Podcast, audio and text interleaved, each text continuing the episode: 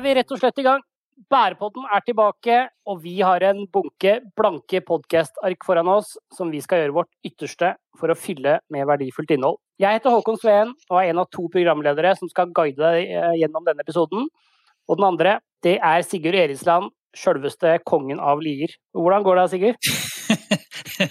Takk for det, Håkon. Eh, nå er det riktignok mange småkonger her i Lier, som i de fleste andre norske kommuner, men eh, jeg har nok et stykke igjen til jeg er blant dem også. Eh, heldigvis, får en si, for eh, alle, egentlig. Eh, men det går bra. Eh, det går bra, Håkon. Men akkurat sånn som deg, da, så sitter jeg her i en rød kommune, og da snakker vi ikke politisk farge, men selvfølgelig om pandemien. Um, og nå har vi jo passert ettårsdagen for hjemmekontor, og erfaringene om dette er nok delte. Uh, vi har tross alt klart å tilpasse oss en ny hverdag med økt digital samhandling, og nå begynner vi kanskje også å se lyset i enden av tunnelen. Vi er i gang med vaksineringen, og det finnes en plan for gjenåpning. Og nå skal vel verken du eller jeg Håkon, utrope oss til noen eksperter av, av, dette temaet her sånn, og kan si noe om dette er den riktige strategien eller den riktige planen for gjenåpningen. Men jeg har et behov for å si noen ord til alle de unge menneskene som har fått redusert deler av den beste tiden av sitt liv, og som faktisk da står sist i vaksinekøen. Hvordan dette har påvirket den mentale helsen, vet vi kanskje først om noen år, men vi vet at det er mange barn og unge i sårbare situasjoner som har mistet sitt sikkerhetsnettverk, og som ikke burde være alene hjemme over så lang tid. Det er de unge som har eh, måttet tatt den største løftet i denne dugnaden. Og det vært, hadde det vært opp til meg, så ville jeg prioritert dem også framover. Dette er den mest dyrebare ressursen i samfunnet vårt. Ja, egentlig et hvilket som helst samfunn, eh, i, og uansett tid, uansett sted. Punktum. Ja, stiller meg 100% bak det, Sigurd. Og det er egentlig en eh, passende bro til dagens tema. For det er nettopp det mest dyrebare vi har i samfunnet det skal handle om i dag, nemlig barna våre. Og hvordan smart bruk av teknologi kan bidra til en eh, bedre hverdag for barn og unge. For å diskutere dette høyaktuelle temaet, så har vi invitert med oss generalsekretæren i Redd Barna, Birgitte Lange. Det tror vi blir en særdeles interessant samtale, for her møter vi på et eh, paradoks. For på den ene siden så er summen av digitale muligheter nå så kraftig at det utfordrer hele fellesskapet til å tenke radikalt nytt. Alle virksomheter blir truffet av endringene, og de som ikke evner å fornye seg, risikerer å bli fullstendig akterutseilt. Og det er antatt at alt som kan digitaliseres og automatiseres, med tiden vil bli nettopp digitalisert og automatisert. Men på den andre siden så kan vi aldri snappe over en klem eller tvitre over den nærheten som mange utsatte barn trenger. Så hvordan ser dette landskapet ut hos Redd Barna og deres arbeid? På hvilke områder kan teknologi brukes på nye og innovative måter for å frigjøre spillerom til den helt avgjørende menneskelige touchen? Det skal vi se nærmere på i dag. Ja, Håkon, det skal vi. For det er jo som det ofte pleier å påpeke, da, at digitalisering skjer enten vi liker det eller ikke, og ingen næringer blir spart. Vi har som du sier, eh, vært så heldige å fått generalsekretæren i Redd Barna, eh, Birgitte Lange, med oss for å snakke mer om dette. Og Birgitte har en lang og imponerende bakgrunn fra det offentlige og NGO-er, og når man leser CV-en hennes, så skjønner man at dette er en person med et stort hjerte og et klokt hode. Og i det siste så har hun også vært veldig synlig i sosiale og kanskje mer tradisjonelle medier. Vi skal bli bedre kjent med Birgitte og Redd Barna og deres viktige bidrag for å lage trygge rammer rundt barn og unges oppvekst, og hvordan digitalisering kan være en katalysator for dette. Men før vi kommer så langt, her er mer Food Facts. Hei, Ida Gram fra Foodstep her. I dag skal vi snakke om fremtiden. Det vil si de som skaper den, og de som er forutsetningen for at fremtiden blir, nemlig barn. Og for at barn skal bygge fremtiden, er det noen helt grunnleggende ting som må til. For det første må de overleve. Da må de ha rent vann, mat og omsorg. For det andre må de vite hvordan de skal bidra til å bygge fremtiden. Og hvordan de skal kunne ta vare på seg selv og andre. Da må de gå på skole. Visste du at utdanning er en grunnleggende menneskerettighet? Visste du at utdanning er nøkkelen til arbeid, inntekt og innflytelse? og at forskning viser at utdanning er den enkeltfaktoren som har størst betydning for levekår og helse senere i livet. Utdanning er også den aller mest beskyttende faktoren for utsatte barns langsiktige, positive utvikling. Det er derfor ikke tilfeldig at FNs fjerde bærekraftsmål handler om nettopp utdanning. Ikke bare retten til skolegang, men også betydningen av utdanning av god kvalitet og gode lærere som evner å formidle kunnskap til elever med ulike forutsetninger og behov. Før koronapandemien gikk ni av ti barn på skolen. Men fremdeles er det over 750 millioner mennesker i verden som ikke kan lese eller skrive. Flertallet av disse er kvinner. Mange barn tvinges også til å slutte på skolen, bl.a. fordi foreldrene ikke har råd til å sende dem dit. Afrika sør for Sahara er en region som skiller seg negativt ut ved at svært mange barn ikke får skolegang, undervisningen er gjennomgående for dårlig, og en stor andel voksne er analfabeter. Koronapandemien kaster lange skygger også når det gjelder utdanning. Vi kan okke oss litt over hjemmeskole og internettilgang her hjemme, og for en del barn, også i Norge, har pandemien hatt alvorlige konsekvenser for både skolegang, trivsel og trygghet. Samtidig har de aller, aller fleste hatt et tilbud om skole. 500 millioner barn ellers i verden har ikke hatt det. Det går nesten ikke an å overdrive betydningen av skolegang og utdanning, og det er lett å bli deprimert når en ser hvor lang vei det er å gå en del steder. Samtidig har det skjedd mye de siste tiårene. Og heldigvis er det også mange som står på for å sikre at flere barn får gå på skole og får god opplæring i trygge omgivelser. Og hvordan det kan gjøres, skal du få høre mer om i dagens podkast. Ja, tusen takk til vår gode kollega Ida Gram for eh, kloke ord som vi tar til oss og med oss inn i den videre samtalen. Nå skal vi endelig ønske velkommen til dagens gjest, Birgitte Lange. Hun er generalsekretær i Redd Barna og har i likhet med oss et brennende hjerte for å bidra til bærekraftig samfunnsutvikling. Hjertelig velkommen til Bærepodden, Birgitte. Tusen takk skal dere ha. Aller først eh, noen ord om deg. Hvem er eh, Birgitte Lange? Ja, veldig kort, og i denne sammenhengen så kan jeg si at jeg er mamma og mormor.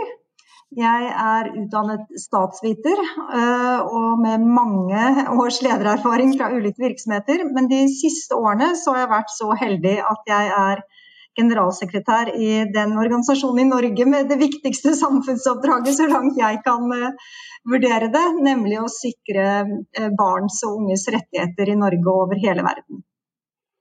Mm.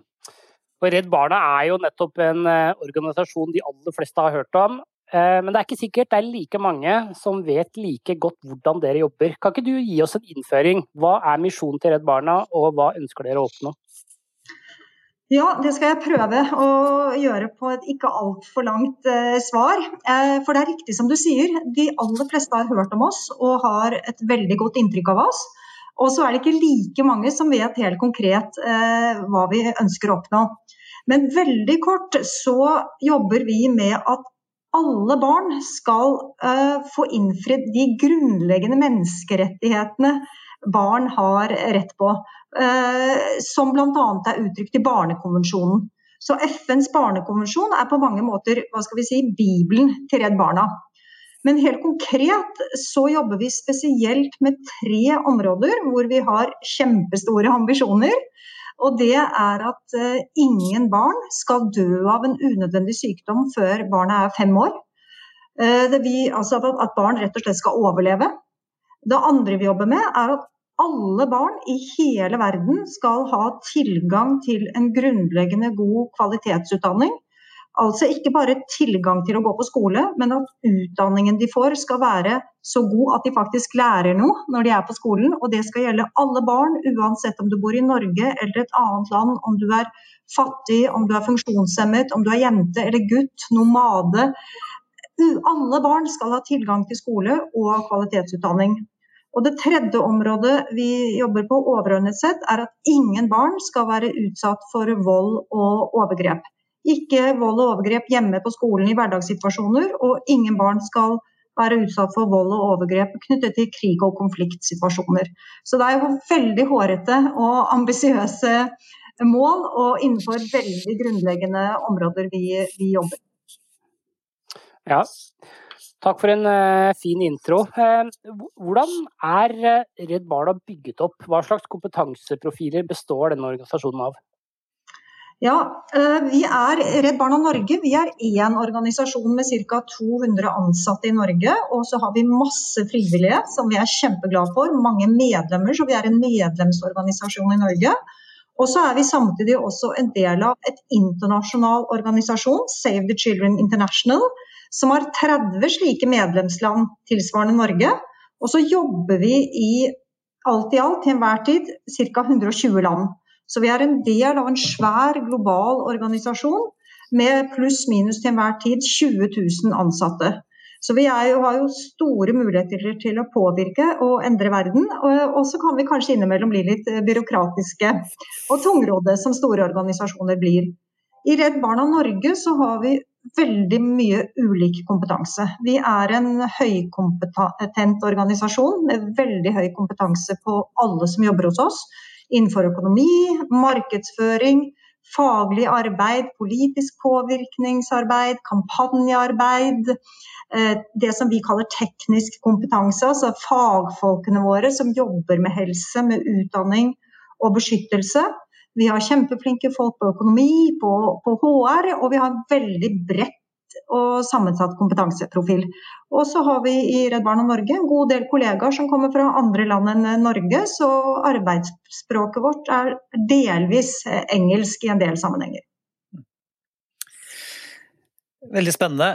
Um, vi har alle blitt sterkt påvirket av koronaepidemiens herjinger det siste året. Uh, og som vi kommenterte innledningsvis, så har det vært spesielt vanskelig for barn som allerede har tøffe utfordringer fra før. Og den siste tiden så har vi jo registrert at du også har vært en aktiv stemme i mediebildet for å snakke nettopp om dette temaet og snakke barnas sak. Eh, men kan du si, fortelle oss litt mer om hvordan barn og unge har blitt påvirket av denne koronakrisen? Ja, det er jo et spørsmål som jeg er veldig glad for at du stiller meg, og som ligger mitt hjerte eh, veldig nært, og som er det viktigste Redd Barna både globalt og her i Norge jobber med. Og da vil jeg først si litt om eh, situasjonen i Norge. For det er helt riktig som du sier. Og Det vi ser det siste året, det er jo at barn og unge er blitt rammet veldig hardt av smitteverntiltakene. Uh, det, det, ser vi på mange områder. Vi ser at politiet advarer om en økning i vold mot barn og overgrep, og om overgrep på nett. Vi ser også at den isolasjonen, isolasjonen som barn til tider har hatt, det har ført til en utrygghet, som også har ført til en veldig kraftig økning i henvendelser til psykiske helsetjenester. Eh, barn og unge med anoreksi, selvskading, depresjon og angst. Og så ser vi at barn, spesielt i lavinntektsfamilier, de henger etter på skolen med stadig avbrudd og digital hjemmeskole. Så ser vi at det som har skjedd under korona, det er jo at mange familier de er blitt overlatt til seg selv. Hjelpetilbudene er i perioder blitt stengt, og det betyr at det har blitt færre hjemmebesøk til familier som hadde trengt å få hjelp. Og Vi ser også at helsepersonell som til daglig jobber med barn, de er blitt satt til å drive med koronaarbeid. Og Det som vi så, det var at under den kraftige nedstemningen som var i fjor vår, så ble én av seks unge bare hør på det tallet. Én av seks unge de ble utsatt for en form for psykisk vold, fysisk vold eller overgrep. Så bare i Norge så har konsekvensene for særlig grupper av sårbare barn, men også barn generelt, vært ganske store. Og så Hvis jeg da skal se litt mer på verden, så er jo pandemien en katastrofe, særlig for fattige land. Selvfølgelig på helsesiden, men også, også på hva skal vi si, fattigdomssiden og utdanningssiden. For det som har skjedd i fattige land, det er at de familiene, de gruppene av mennesker som allerede var fattige og ikke hadde noe sikkerhetsnett, de mistet jo da pandemien inntraff livsgrunnlaget sitt over natten. Og nærmest ved et knips så eh, ble 150 millioner eh, flere barn dyttet ut i fattigdom. Og det som vi ser er at for første gang på mange tiår så har faktisk utviklingen i verden stagnert. Og på noen områder gått tilbake.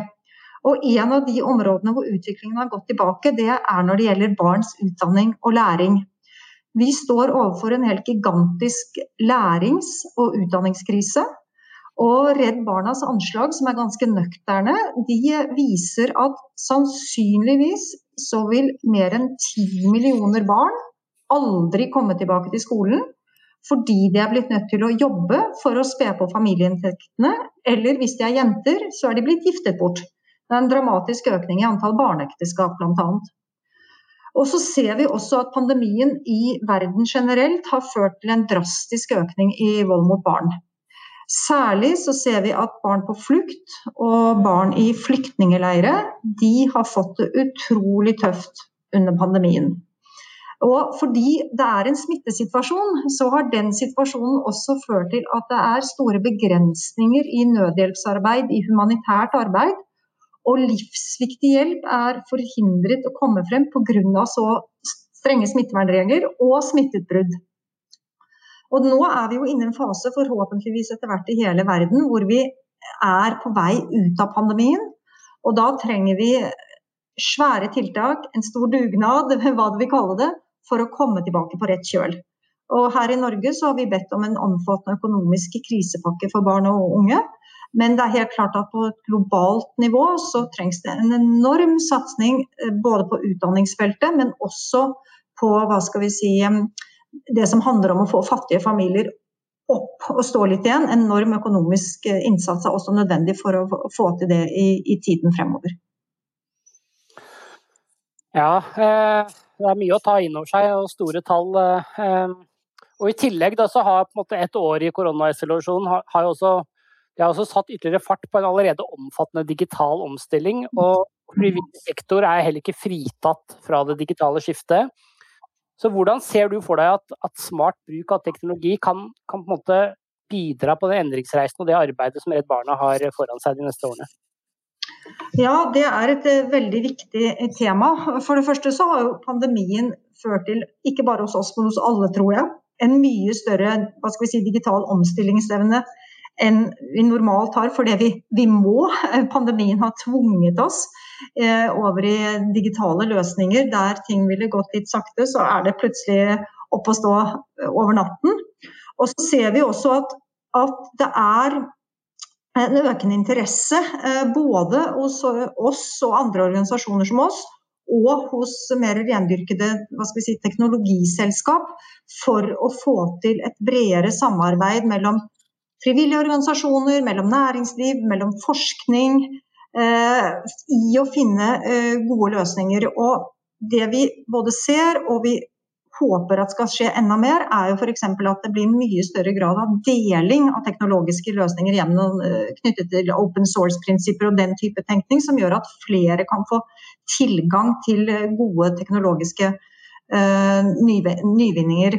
Og jeg kan uh, godt snakke litt senere hvis, om dette med uh, hvordan vi har brukt teknologi i vårt utdanningsarbeid spesielt, men på et generelt grunnlag så, så, tror jeg pandemien har ført til at både organisasjoner som oss og, og alle andre har hatt en ekstremt bratt digital læringskurve som vi må høste det beste av også nå i tiden eh, fremover. Til det beste for eh, målgruppene våre, og i vårt tilfelle for barn, da. Mm. Og så For noen uker siden så plukket vi opp en eh, LinkedIn-post fra deg, Birgitte, der du oppfordret eh, nettverket ditt til å komme med gode råd om hvordan teknologi kan bidra til å skape en bedre hverdag for barn eh, og unge. Og Det synes vi var et så godt initiativ at både vi i Footstep og en rekke andre eksperter i det digitale Norge kastet seg på, og det var enorm respons.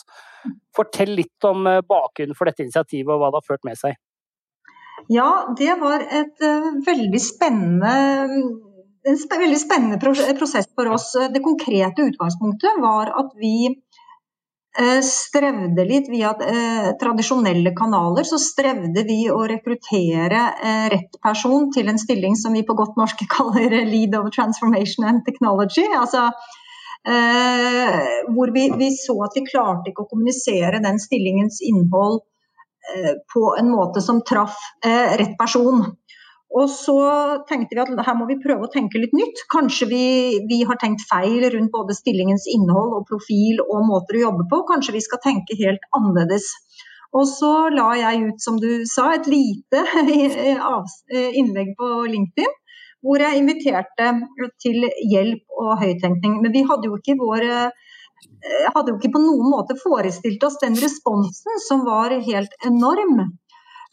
Så det det, Vi hadde jo et møte som du refererer til, et kreativt brainstormingsmøte, hvor vi, jeg tror det var drøyt 40 personer til stede fra næringsliv, fra akademia, Eh, fra forskningsmiljøer, fra det offentlige, fra andre frivillige organisasjoner, enkeltpersoner som hadde lyst til å være med og tenke høyt. I tillegg så var det mange som tok annen type eh, kontakt, og som ikke var med på det, det møtet. Men som alle hadde som et felles uh, utgangspunkt et sterkt ønske om å kunne spille inn, være en bidragsyter, være med og tenke høyt sammen med oss om hvordan vi eh, kan bruke teknologi, eh, både på hvilke områder, på hvilken måte, hvilke prinsipper vi bør jobbe etter, og hvordan vi skal utvikle det, vårt arbeid på dette området. Så det var en utrolig positiv opplevelse for oss, både på, på kort sikt og i forhold til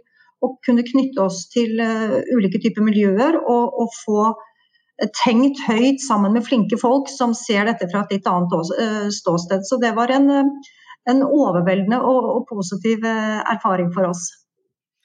Ja, og det er nok mange mennesker med mye kompetanse innenfor, innenfor, digitalisering og teknologi også, som ser jo mange av de utfordringene som, som du har skissert nå, og som har blitt veldig synlige gjennom Eh, pandemien. Eh, og, på mange måter ønsker å bidra eh, med, sin kunnskap for, å, kunne skape bedre rammer for, barn. Og teknologi kan jo utvilsomt åpne nye dører. men som, som, vi har snakket om tidligere, altså barn og unge trenger kanskje først og fremst da menneskelig kontakt. men hva tenker du om det paradokset der sånn? At man liksom på den ene siden er det da de fysiske, og så er det teknologien på det andre, da. Ja, nei, Dette er et kjempestort og komplekst tema med mange som du sier, både avveininger. Det er mange, mange muligheter med teknologi. Og så er det også en del eh, hva skal vi si, risiko eller forhold som vi som, vi som jobber med sårbare barn må være opptatt av. For på den ene siden så har teknologi et kjempepotensial for å kunne gjøre vår jobb smartere, for å si det på den måten. Og Som et eksempel på det, så kan vi tenke på, på droner f.eks. som leverer nødhjelp og medisiner til eh, områder hvor det er veldig vanskelig å komme til, eller hvor det tar mange dager å komme til. Så er jo droner et kjempegodt eksempel på hvordan teknologi gjør hele vårt arbeid i humanitære kriser mye enklere. Et annet eksempel er f.eks. når vi har en, en, krise, så kan utdanningsteknologi eh, kan gi barn raskt tilgang til læring. Sånn som vi har sett masse eksempler på under pandemien, hvor vi har hatt fjernundervisning på PC, eller radio, eller nettbrett eller iPhone, når skolene ikke har vært åpne. Og så er det noen andre aspekter som jeg gjerne vil si noe, si noe om, som illustrerer hva skal vi si, kompleksiteten i, i det du spør om. da. Fordi at ø, Teknologi kan også være med på å øke forskjellene mellom de som har tilgang til teknologi, og de som ikke har det. Og det vi ser er at De aller fattigste og de mest marginaliserte barna i verden de har ikke fått noen undervisning under korona fordi de har ikke tilgang til teknologien som trengs. De er i områder uten, uh, uten internett, uten dekning, uten utstyr, uten um, wifi. Ingenting. Da blir læringsgapet og undervisningsgapet enda uh, sterkere. Så er det det som du sa, dette med, med, med klem og nærhet, for å si det sånn. Hvor teknologien aldri kan erstatte det. Og, og for å bare si litt mer om det, så tenker jeg at teknologi det må alltid være et verktøy og ikke et mål i seg selv. Og det all forskning viser i alle land over mange år, det er at det, den altavgjørende viktigste faktoren som avgjør om et barn lærer på skolen eller ikke, det er læreren. Mm. Det er læreren som avgjør om et barn har det trygt på skolen, om et barn utvikler seg, og om barnet lærer. Og så kan teknologi være med på å effektivisere undervisningen og være et veldig viktig verktøy for læreren. men det kan ikke erstatte en god lærer. Så ser vi også at, at vi, vi ønsker å møte barna på de arenaene de er, på de digitale arenaene de er. Eh, det er viktig for oss. Og, og barn er veldig mye på, på, nett. Så i Sverige nå så har Redd Barna Sverige de har sammen med eh, et konsulentfirma i Sverige utviklet noe som vi tror kan være veldig eh, spennende. Og det er å identifisere og kunne fange opp barn som sliter ved hjelp av kunstig intelligens. Uh, og, og, og, se på dette sammen med gamingindustrien i Sverige, sammen med myndigheter og næringsliv og barn selv. Se om hvordan det at barn gamer, hvordan kan vi ved hjelp av kunstig intelligens fange opp barn som kanskje ikke har det så bra. Og så er det noen ting jeg også har lyst til å si litt om. fordi at det er utrolig mange uh, smarte både personer og teknologifirmaer som utvikler gode løsninger Eh, hele tiden som kan være spennende for oss og andre å, å involvere oss i.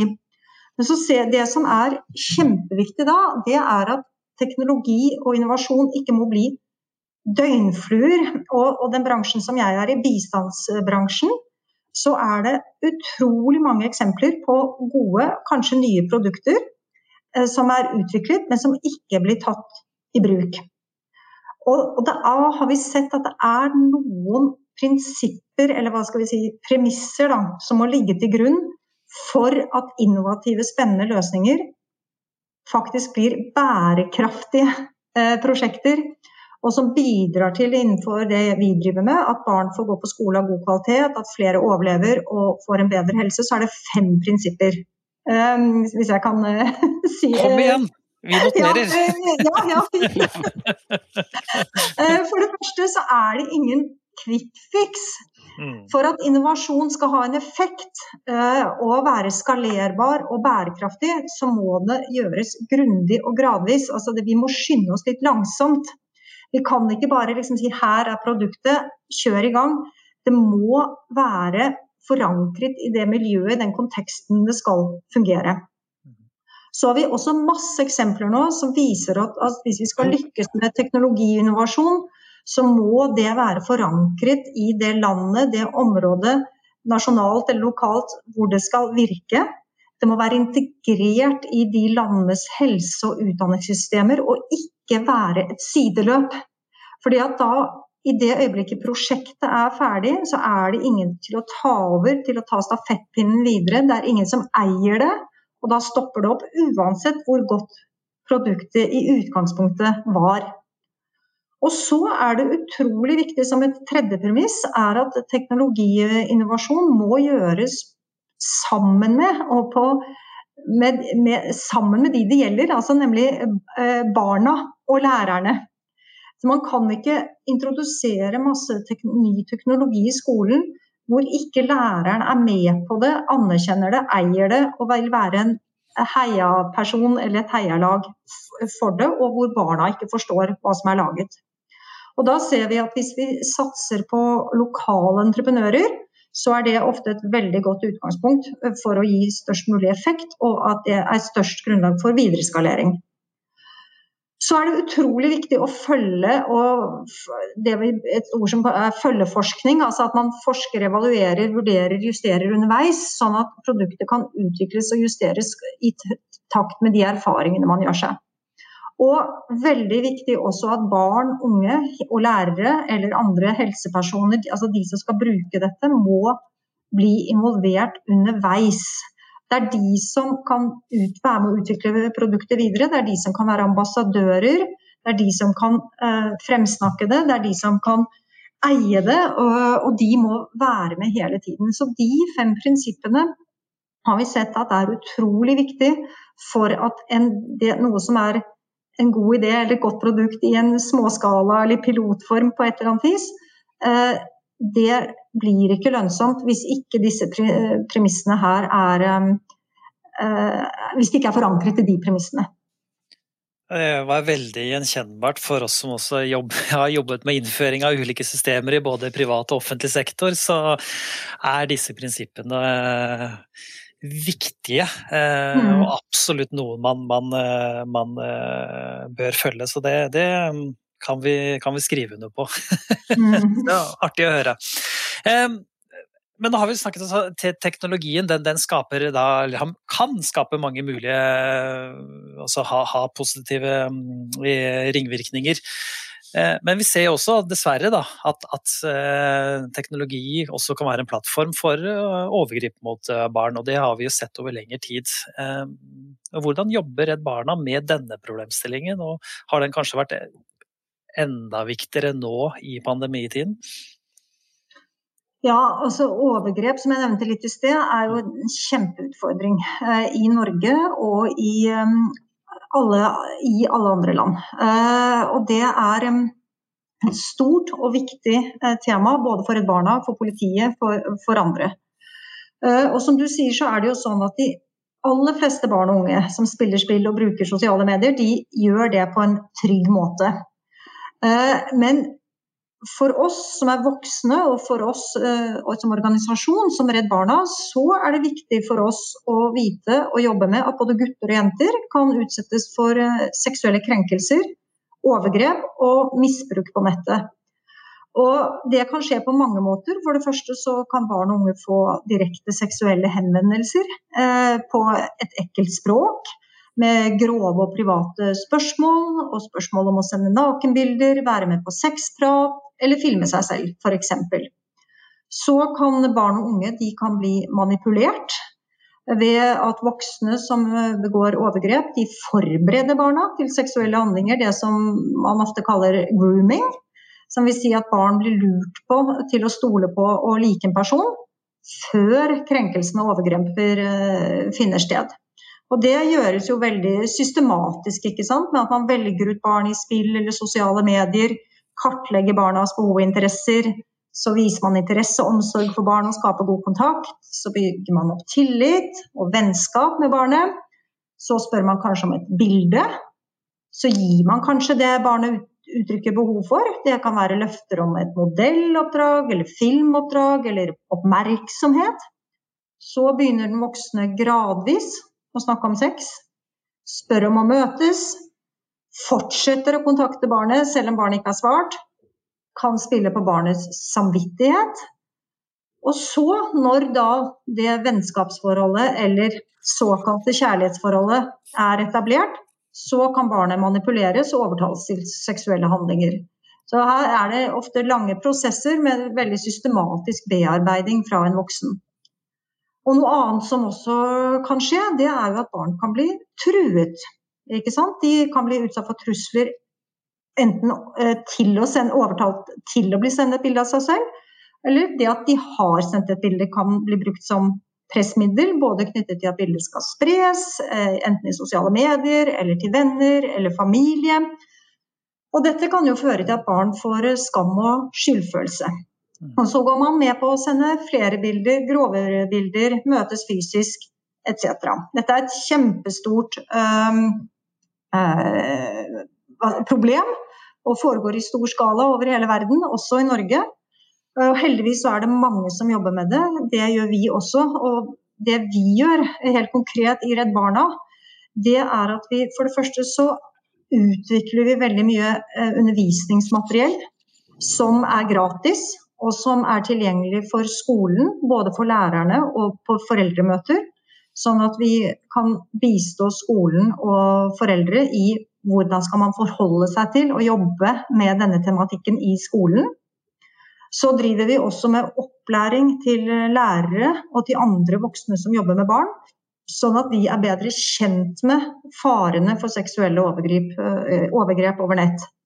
Og så jobber vi veldig systematisk mot eh, politikerne vi arbeider jo for at myndighetene skal styrke arbeidet for å forebygge vold og seksuelle overgrep, og for å redusere eh, mulighetene for at man skal møte en overgriper på nettet.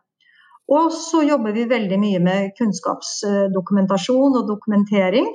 Vi innhenter ny kunnskap om barns nettbruk og fare for seksuelle krenkelser og overgrep. Så vi jobber på et ganske bredt uh, spekter, og vi jobber tett sammen med uh, politi, andre myndigheter, skoler og, og, faginstanser på dette området. Mm. Mm. Eh, I digitaliseringsinitiativet så er ofte begrepet 'brukeren i sentrum' sentralt. Hos dere så er det jo barn. Hvordan jobber dere med å involvere barn i utviklingen av Redd Barna, for å være sikre på at dere faktisk treffer et behov? Ja, det er veldig, veldig viktig for oss, og noe vi ønsker å bli enda bedre på. Og ønsker å gjøre mye mer systematisk i tiden fremover også. For det er noe som bør være en rettesnor i alt vi gjør, egentlig. At vi, når vi gjør noe for barn, så bør vi gjøre det med barn. Og et begrep som barns medvirkning, som kanskje er litt eh, sånn diffust begrep, det er et veldig sentralt begrep for oss. At, at når vi skal utvikle hva skal vi si, politikk eller tiltak som gjelder barn, så må barn være involvert i det, sånn at vi er sikre på at det vi skal gjøre, faktisk er noe barn syns er viktig. Og det i praksis så betyr det at vi snakker med barn om hvilke problemer de står overfor, hva slags hjelp og støtte de selv mener de trenger. Og vi har med barna på utviklingen av det vi skal prøve å få til, for å sikre at ikke vi lager noe som vi syns er veldig viktig som voksne, og, og, med løsninger som vi tror at barn trenger, men som kanskje ikke barn eh, opplever som viktig i det hele tatt selv.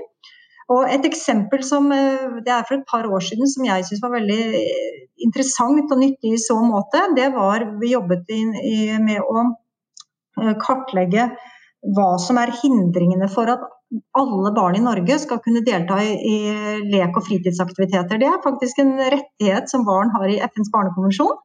At man skal kunne delta i lek- og fritidsaktiviteter. Og så så vi at i Norge så er det kjempestore forskjeller på, på barns mulighet for å gjøre det. Og vi som voksne og vi som ansatte i Redd Barna, vi hadde masse teorier om eh, hvorfor det eh, skjedde. Eh, men istedenfor å utvikle masse gode tiltak og hva vi ville gjøre, så hadde vi systematiske samtaler med barn over hele landet om hva er det som gjør at barn og unge i din kommune eller din bydel eller der hvor du bor, ikke får deltatt i, i leke- og fritidsaktiviteter der hvor du bor. Og det som viste seg å være et kjempetydelig funn, det var eh, manglende kollektivtransport. Altså, Norge er et landstrakt eh, land, eh, og i veldig mange steder rundt omkring i Norge så går det ikke buss eller trikk eller um, noen form for kollektivtransport i de tidene hvor barn har fritidsaktiviteter. Til koret, til speideren, til fotballen, til uh, hva de måtte drive med. Så det ikke, er det ikke noe offentlig transport. Det betyr at de barna som ikke har to foreldre eller to biler, eller har mulighet til å sitte på med andre, de får ikke deltatt i aktiviteten. Uansett om den er gratis eh, eller eh, om den foregår fire ganger i uken. Rett og slett fordi at de kommer seg ikke dit. Så da ble det veldig viktig for oss å jobbe med, med Transportøkonomisk institutt og med Samferdselsdepartementet, altså med andre aktører enn det vi trodde i utgangspunktet at vi måtte eh, rette søkelse på. Det er et eksempel på hvordan vi systematisk snakker med barn og lar barns perspektiver være førende for det vi, eh, for det eh, vi, vi, vi gjør. Og så bare ta et internasjonalt eksempel også. I Somalia så har vi hatt et liten pilot på et nettbasert undervisningsopplegg sammen med en norsk bedrift som heter Leap Learning. Og Der har vi engasjert foreldre og lokale ledere aktivt for å bidra til realistiske forventninger til elevene om hvordan eh, et nettbasert undervisningsopplegg kan brukes.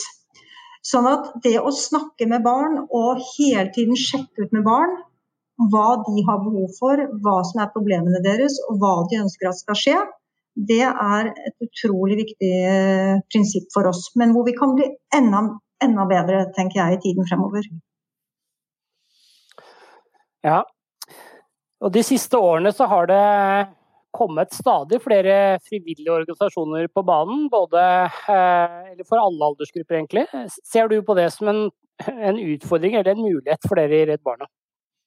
Nei, jeg syns det er kjempeflott ja, at det kommer flere frivillige organisasjoner på banen. Jeg syns det er spennende, og det er spennende at det er ulike måter å være frivillig organisasjon på. De, både i forhold til hvordan de driver, hvordan de markedsfører seg, hvordan de samarbeider. Eh, vi er jo en organisasjon som i stor grad samarbeider med andre organisasjoner, og tenker at det er viktig og positivt. Så, så jeg syns generelt at det bare er flott at uh, folk vil engasjere seg i denne type arbeid med de problemstillingene uh, de er opptatt av, og, og, ser det bare som en veldig spennende og positiv utvikling som vi både kan lære av, og, og vi må tilpasse oss også en stadig endrende, endret virkelighet. Mm. Så har vi også sett da, gjennom mange av de episodene som vi har eh, spilt inn, at, at, det er jo også en tydelig trend. Da, at mange smarte mennesker bytter bransje for å ta et aktivt ansvar for å ja, mot et bedre og mer bærekraftig samfunn. Eh, og nå har vi jo også blitt kjent med mye av arbeidet til Redd Barna, og vi har snakket om ulike temaer knytt, altså mellom knytningen, eh, altså knytningen mellom digitalisering og det å skape ram, trygge rammer for barn og unges oppvekst. Men hvis det er da noen av disse eh, godhjertede lytterne våre da, som ønsker å bidra til Redd Barnas viktige arbeid, eller andre organisasjoner som vi også snakket om, hvordan går de best fram? Det er mange måter å støtte oss på. Og som du sier, så er det helt riktig. Vi også erfarer det. At vi får veldig høyt kompetente folk til stillinger hos oss som kommer fra ulike, fra andre bransjer, privat næringsliv, offentlig sektor, men som har tatt et verdivalg, og som ønsker å jobbe i en organisasjon som oss. Noe som er selvfølgelig veldig, veldig positivt. Men hvis man ikke ønsker å gjøre det, så kan man eh, gjøre veldig mye annet. Eh, for det første så kan man støtte organisasjonen vår økonomisk som privatperson. Eh, man kan inngå et næringslivssamarbeid med den bedriften man jobber i, hvis det er mulig, på mange mange måter. Vi har et eget, eh, en gruppe folk hos oss med veldig flinke folk som jobber systematisk med næringslivet, med ulike former for samarbeid der. Så kan man bli frivillig i Redd Barna. Vi har eh, lokale foreninger rundt i hele landet som gjør veldig masse viktig arbeid for barn med barn eh, over hele Norge. Og man kan bli medlem hos oss og være med å påvirke og beslutte hvordan Redd Barna-organisasjonen skal utvikle seg videre. Vi har flere tusen medlemmer. Så det er mange muligheter til å engasjere seg eh, i vårt arbeid, hvis eh, de som lytter har et ønske om det. Veldig bra. Og Redd Barna har jo da også en historie som strekker seg 100 år tilbake i tid, og vært en støttespiller eh, for generasjoner eh, opp igjennom. Eh, og da er det jo også litt spennende å tenke da om hvor Redd Barna er om 10-20 år også, når vi ser den teknologiske utviklingen som, som har vært de siste åra. Har du noen tanker eller fremtidsvyer for, for, for Redd Barna? Ja, jeg har mange tanker og fremtidsfrier for Redd Barna, men akkurat i det spørsmålet du stiller, som er kanskje mest rettet mot teknologi, så ville en overskrift vært for meg mer tid til barn og mindre tid til administrasjon. Ja. Altså det som jeg sa i sted, at vi bruker teknologien til å samle data som i dag vi samler inn manuelt f.eks. At vi kan jobbe smartere, at teknologien kan overta oppgaver som vi i dag må gjøre manuelt, og som bruker mye administrative ressurser på. Vi ønsker jo alltid å bruke så mye av våre ressurser på det som er til hjelp for barn, som skaper resultater for barn. Og, så håper jeg at vi skal fortsatt uh, være en uh, endringsvillig organisasjon som tilpasser oss og er gjerne i forkant av utviklingen også. Og ikke en organisasjon som blir baktung uh, og byråkratisk. Og det er jeg veldig optimistisk med hensyn til, fordi vi har så etter min mening, veldig, veldig flinke fagfolk. Så med den kompetansen vi har, og at vi er fremoverlent og, og, og samarbeider med andre uh, sterke fagmiljøer, så, så, håper jeg at vi skal kunne nå, ut til langt flere barn i, i, dag. Jobbe enda smartere og fri, få frigjort så mye tid uh, og ressurser som, som, mulig, som gjør at teknologien kan ta seg av det administrative, for å si det sånn. Mm.